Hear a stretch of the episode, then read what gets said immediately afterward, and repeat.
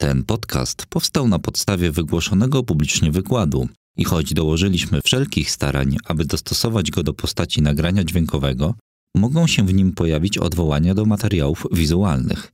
Życzymy przyjemnego odbioru. Granice nauki. Przełomy w nauce. Santiago Ramon Isayal. Malarz neuronów. Maciej Dulewicz.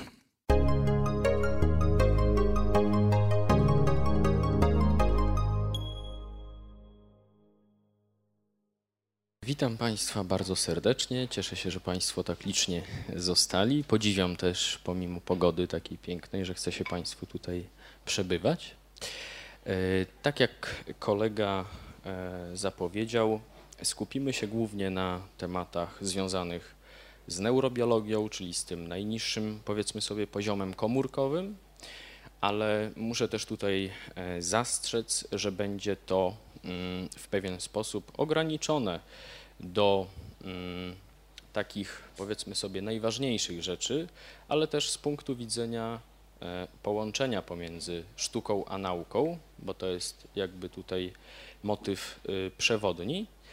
E, dlaczego taki? Ponieważ zastanawiając się nad e, przełomami w nauce czy przełomami w neurobiologii, zauważyłem, że bardzo interesujące jest tutaj zagadnienie mm, obrazowania, dochodzenia czy przełamywania, e, odnajdywania e, zupełnie nowych e, struktur, nowych podejść, nowej metodologii, która dotychczas bardzo mm, mocno i długo opierała się badaczom, histologom, biologom, ale o tym za chwilę.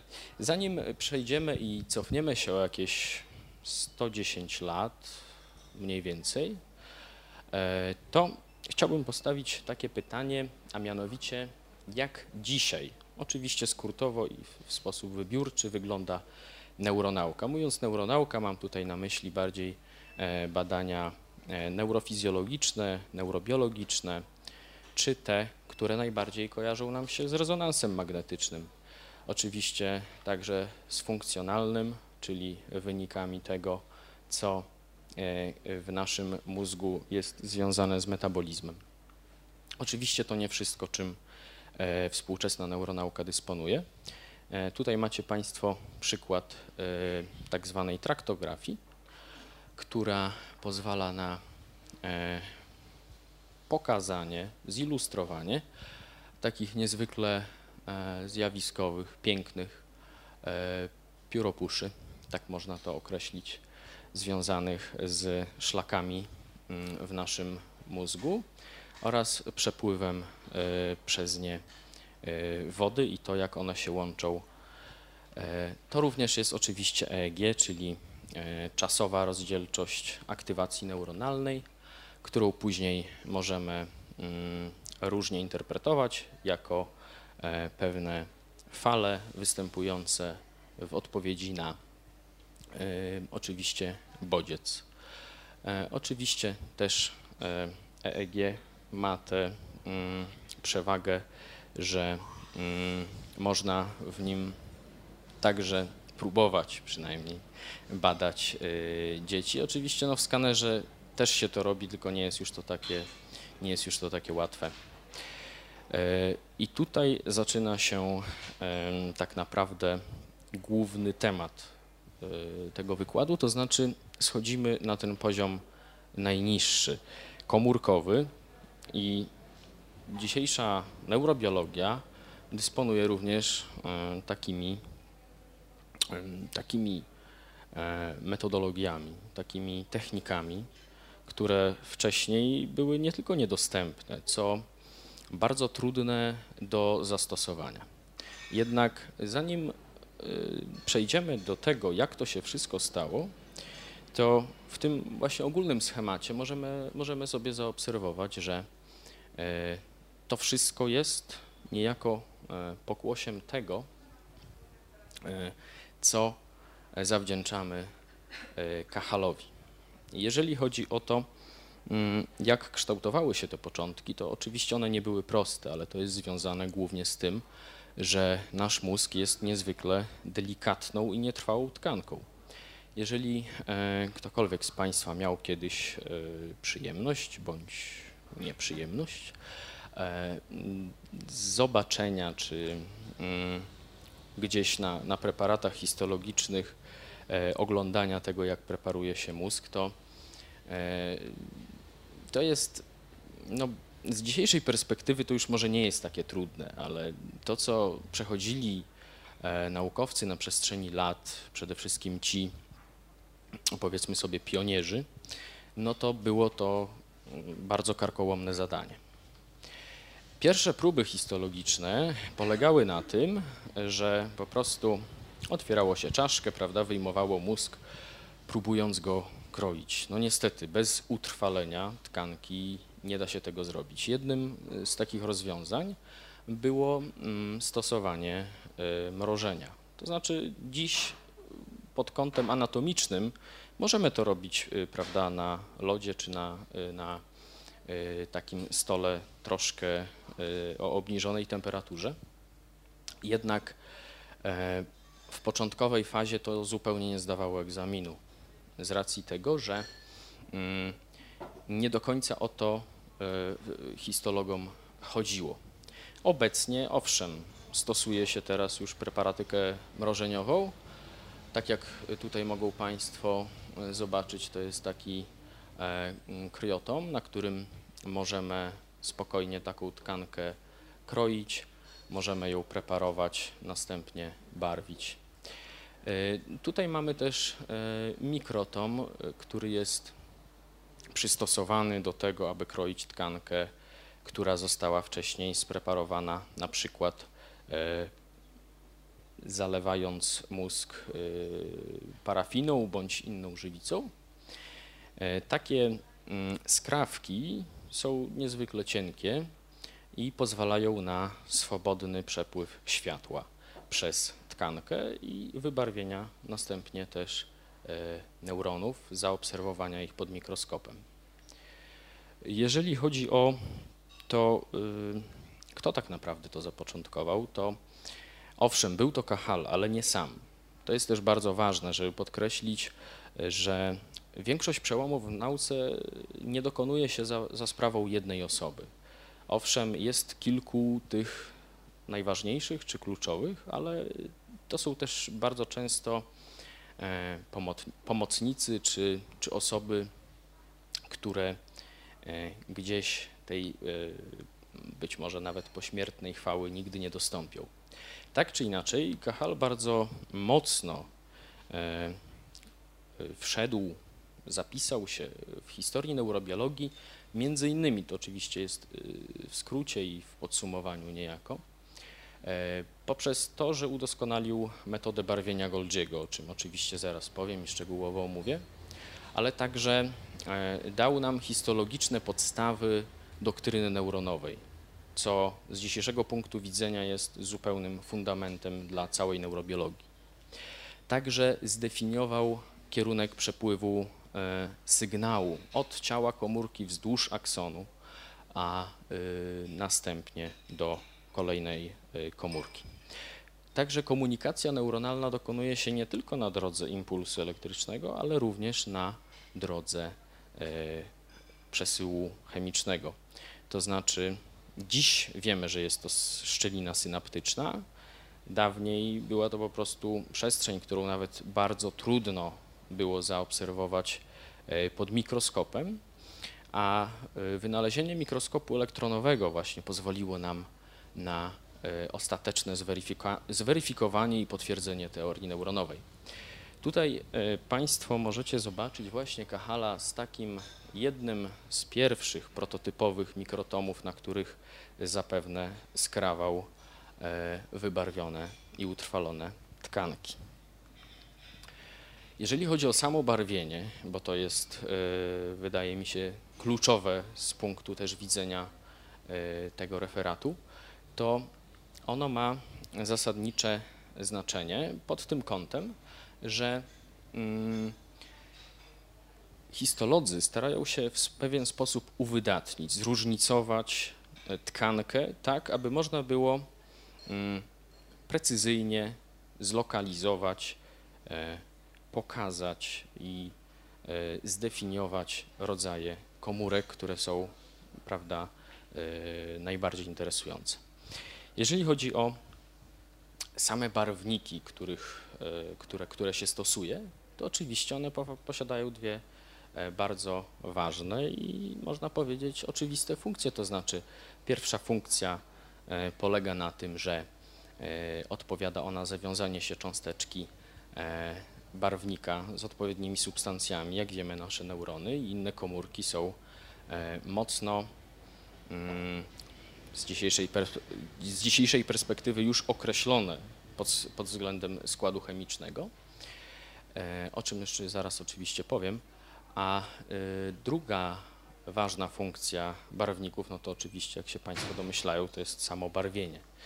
Tak, więc determinant kolorystyczny, e, który ma na celu właśnie u, uwidocznić strukturę, pokazać to, co w danej tkance czy w danej komórce jest. I to nie jest takie proste. Tak naprawdę to tutaj zaczynają się schody, ponieważ wiele różnych tkanek, struktur mózgowych oraz komórek e, tak samo absorbuje e, barwniki. To znaczy, dziś już nie mamy tego problemu, bo możemy barwić to na, na różne białka, tworzyć preparaty nawet o trzech różnych kolorach, ale wcześniej było to naprawdę dużym problemem i y, jeżeli chodzi o to, kto tak naprawdę jako pierwszy zaczął barwić neurony, to był to Golgi. Camillo Golgi, czyli włoski uczony, także y, neuroanatom, który e, opatentował, bardziej odkrył, choć ja osobiście zawsze zastanawiam się, jak można było wpaść na coś takiego. Mam jedną hipotezę związaną z, z tym, czym mógł inspirować się Golgi, o czym powiem później. Jeżeli jesteśmy już przy tkankach i przy skrawaniu, to jest y, taki dość prosty, nawet prymitywny przepis na to, jak taką tkankę dawniej barwiono. Otóż przede wszystkim należało tę tkankę tak najpierw wyjąć, oczywiście tak dociąć na, na odpowiedni wymiar, po to, żeby można ją było później właśnie na mikrotomie skrawać. E, zanurzyć właśnie w formalinie i e, w wodnym roztworze dwuprocentowym dwuchromianu e, potasu aż na dwa dni. Dzisiejsze techniki barwienia histologicznego pozwalają na znacznie szybszy proces, jednak jeżeli mielibyśmy pomyśleć o tym, jak to było kiedyś, to naprawdę zajmowało to mnóstwo czasu. Następnie należało osuszyć taki preparat, y, później umieścić ten bloczek niewielki y, w dwuprocentowym wodnym roztworze azotanu srebra na kolejne dwa dni oraz wykonać już właśnie gotowe skrawki i osuszyć preparat wetanolu. I jeżeli ktoś z Państwa kiedyś parał się właśnie fotografią, to azotan srebra tutaj powinien Państwu dać trochę do myślenia. E, Golgi nie, nie przez przypadek nazwał ją czarną reakcją, ponieważ e, azotan srebra pod wpływem światła e, ciemnieje, ale także mm, cały proces barwienia neuronów azotanem srebra polega na tym, że cząsteczki, a także chromian, który był później, wcześniej jeszcze zastosowany jako, jako utrwalacz, E, wytrąca się na błonie lipidowej y, komórek. Ten osad zostaje zgromadzony, przez co ostatecznie otrzymujemy właśnie czarny neuron na białym tle. E, właśnie jeżeli chodzi o przenikanie y, chromianu srebra, to on również prze, prze, mm, przechodzi do, e, do dendrytów, do wnętrza komórki, wybarwiając również E, jądro, aksony. Także mm, ten związek, początkowy związek, bo ponieważ fotografia jest troszkę młodsza od y, histologii, powiedzmy, tej w wydaniu Goldziego, wydaje mi się, że to mogło gdzieś e, Goldziego zainspirować, gdzieś ten azotan srebra mógł e, być inspiracją właśnie zaczerpniętą z fotografii. Tutaj mamy neuron piramidowy właśnie z kory przedczołowej barwiony metodą Goldziego. Tutaj mamy papier solny pociągnięty, nasączony właśnie również azotanem srebra. Pod wpływem nałożenia na to negatywu otrzymywano e, obraz właśnie na papierze fotograficznym. Gdybyśmy przyjrzeli się temu jeszcze dokładniej, bo to jest powiększenie mikroskopowe, podobnie jak to, tylko że wiadomo, to jest znacznie e, większe niż, niż te, możemy dostrzec niewielkie, choć w Państwa przypadku pewnie to jest dość trudne, bo, e, bo projektor nam do końca na to nie pozwala, takie delikatne wybarwienia właśnie włókienek papieru.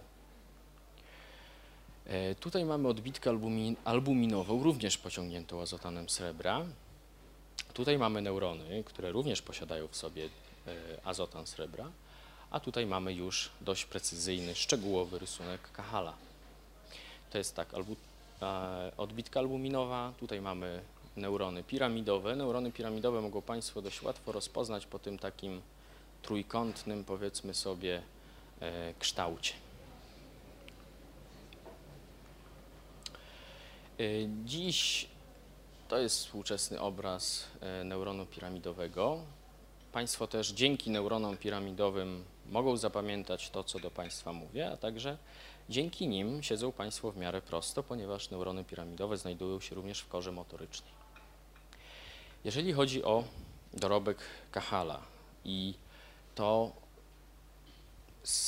dlaczego on w zasadzie został e, uznany później z perspektywy czasu za, za ojca neuronauki, to jest to niesamowity dorobek. E, historycy dzielą mm, okres jego działalności naukowej na, e, na takie cztery główne okresy, gdzie pierwszy okres przypada od 25 roku życia, aż do trwał praktycznie przez 42 lata. Całkowita liczba przedmiotów, jaką Kahal po sobie pozostawił, to jest 30 218 różnych, czy to listów, czy to fotografii, czy to preparatów histologicznych, czy rysunków, a także artykułów. Mm, jeżeli chodzi o e, porównanie do kogokolwiek, do kogo moglibyśmy e, porównać Kahala, osobiście przychodzi mi tylko na myśl Leonardo da Vinci, ponieważ e, również on był e, niezwykle zainteresowany anatomią, niezwykle dużo rysował, niezwykle dużo pisał, więc Kahala e, osobiście nazwałbym jako takiego jako takiego Da Vinci renesansu, powiedzmy. Znaczy Da Vinci, da Vinci neurobiologii dokładnie. Jeżeli chodzi o same początki badań, Kahala, to on wyszedł od badań e, włókien e, mięśniowych, e, tworząc różnego właśnie rodzaju, jak tutaj mogą Państwo za, zaobserwować, przepiękne rysunki, bardzo szczegółowe, bardzo dokładne. Również nie bezpośrednio i nie od razu zajął się badaniem układu nerwowego. To było również badanie nerek, to było również badanie e, jelit i e, po dziś dzień mamy także mm, odkryte przez Kahala właśnie komórki śródmiąższowe Kahala. E, Kahal zmodyfikował, co to znaczy? To znaczy, że niejako podkręcił, mm, bardzo pięknie uwydatnił i zdając sobie sprawę także z tego, jak cały proces barwienia komórek metodą Goldziego wygląda, postanowił go trochę ulepszyć. To miało później niezwykłe i kolosalne znaczenie dla e, przyznania Nagrody Nobla, ale również mm, dla całej interpretacji późniejszej spuścizny Kahala.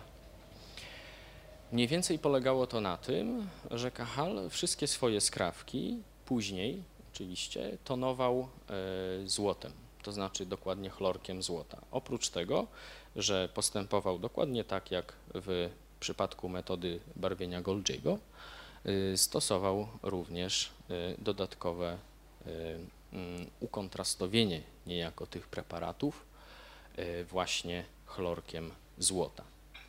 Tutaj mogą Państwo zaobserwować właśnie komórki Purkiniego znajdujące się między innymi w muszczku. One mają taki swój specyficzny gruszkowaty bądź kijankowaty kształt. Jeżeli chodzi o dzisiejsze sposoby barwienia, to naprawdę jest to cała paleta, możemy powiedzieć, całe spektrum, które możemy stosować.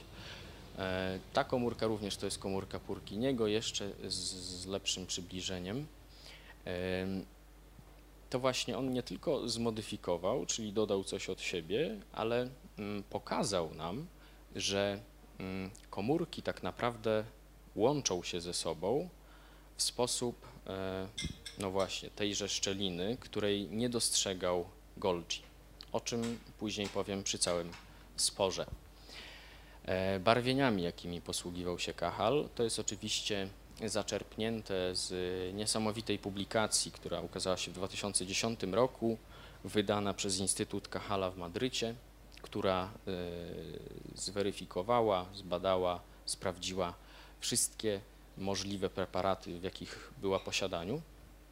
Widzimy tutaj, że Kahal najbardziej upodobał sobie nie tylko że metodę Goldziego, ale przede wszystkim tą metodę ze zredukowaną ilością srebra. Również bardzo ciekawe są te barwienia e, karminowe, które właśnie są tutaj, czyli z dodatkiem karminu, czyli czerwonego e, barwnika. Jeżeli chodzi o organizmy, jakimi posługiwał się do swoich badań, no to była to naprawdę duża grupa. To nie, jest, e, to nie były czasy te, które mamy teraz, gdzie najczęściej badania się przeprowadza na myszach lub szczurach. Przedtem nie było takich obostrzeń. Praktycznie mm, nikt no, no nie myślał, że, że można mm, podchodzić do tego tematu tak bardzo rozlegle.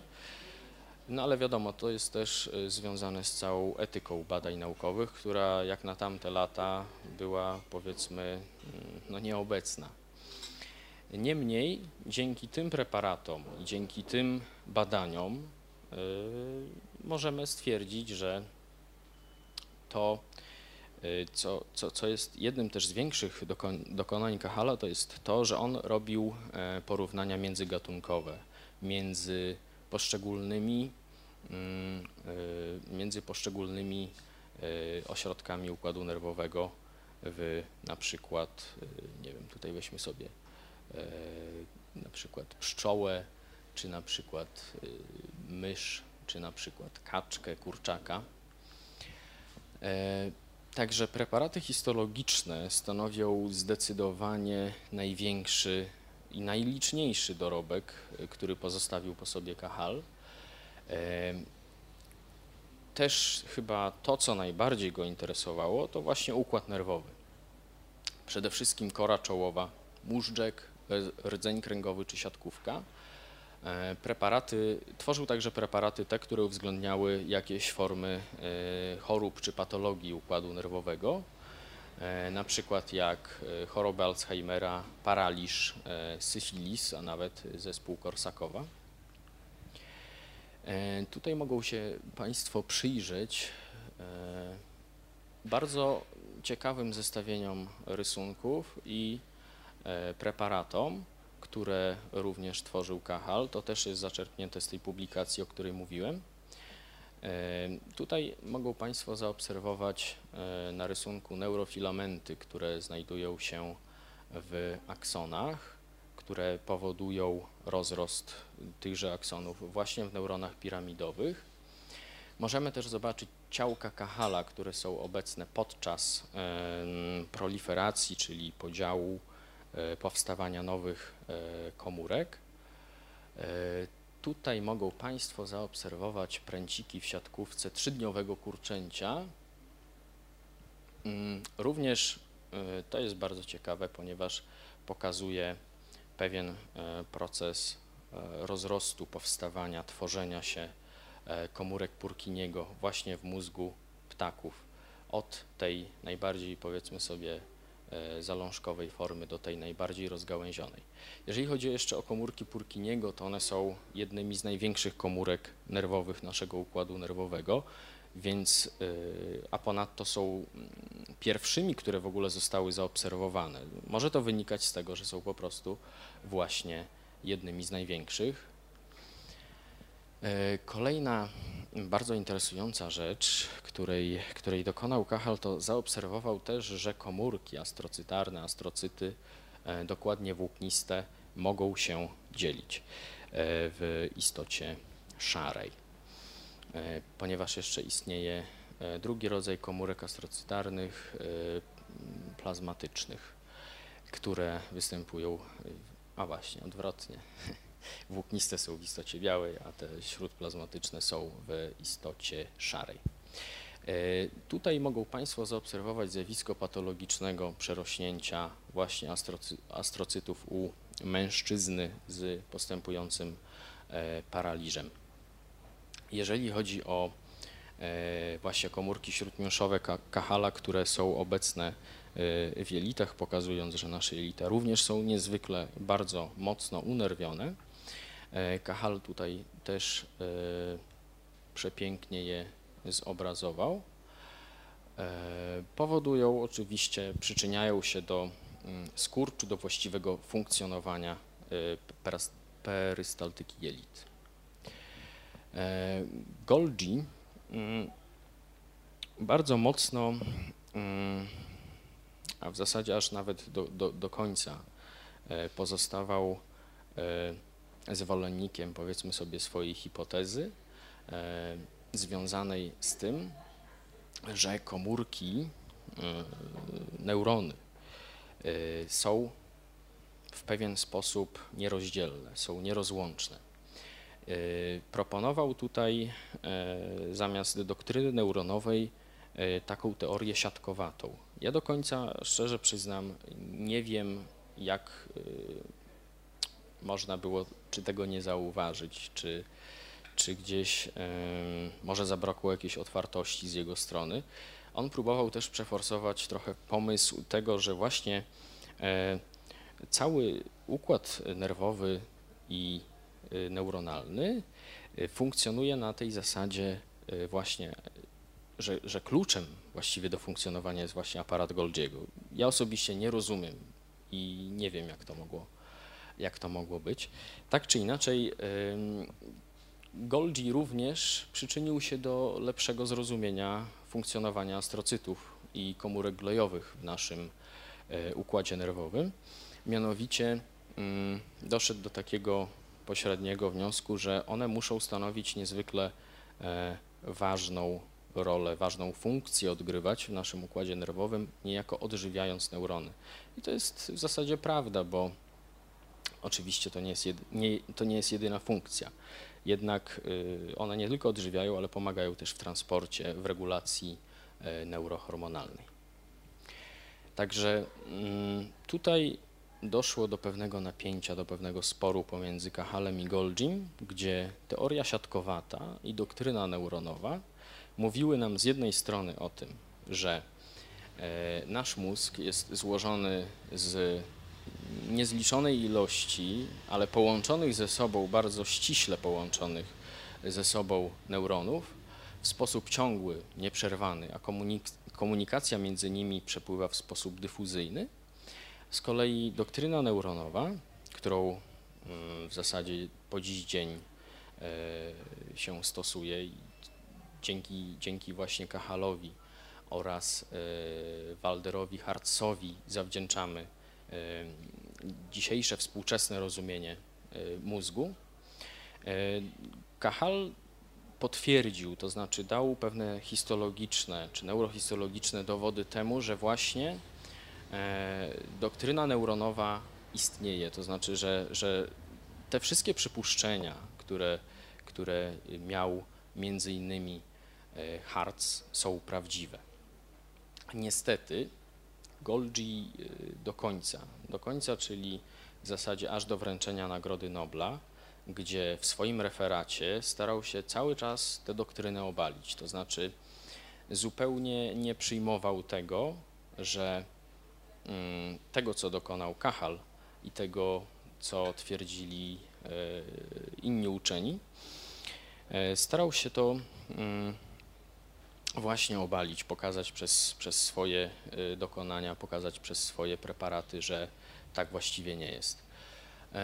To jest trochę paradoksalne, ponieważ no właśnie, Golgi posługiwał się tutaj srebrem i tak naprawdę e, srebro otrzymał, to znaczy jest gdzieś na tym drugim miejscu w historii neuronauki. Kahal go trochę wyprzedził pod tym względem, że to tak naprawdę jemu się przypisuje te najważniejsze odkrycia. I mm, no właśnie, w zasadzie można powiedzieć, że posługując się złotem, to nie tylko, że je dostał, co jeszcze tymi e, złotymi zgłoskami zapisał się w całej historii neurobiologii.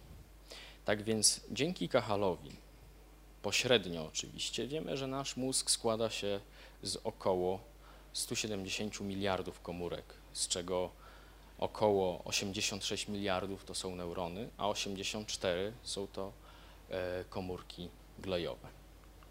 Także dziękuję Państwu za uwagę.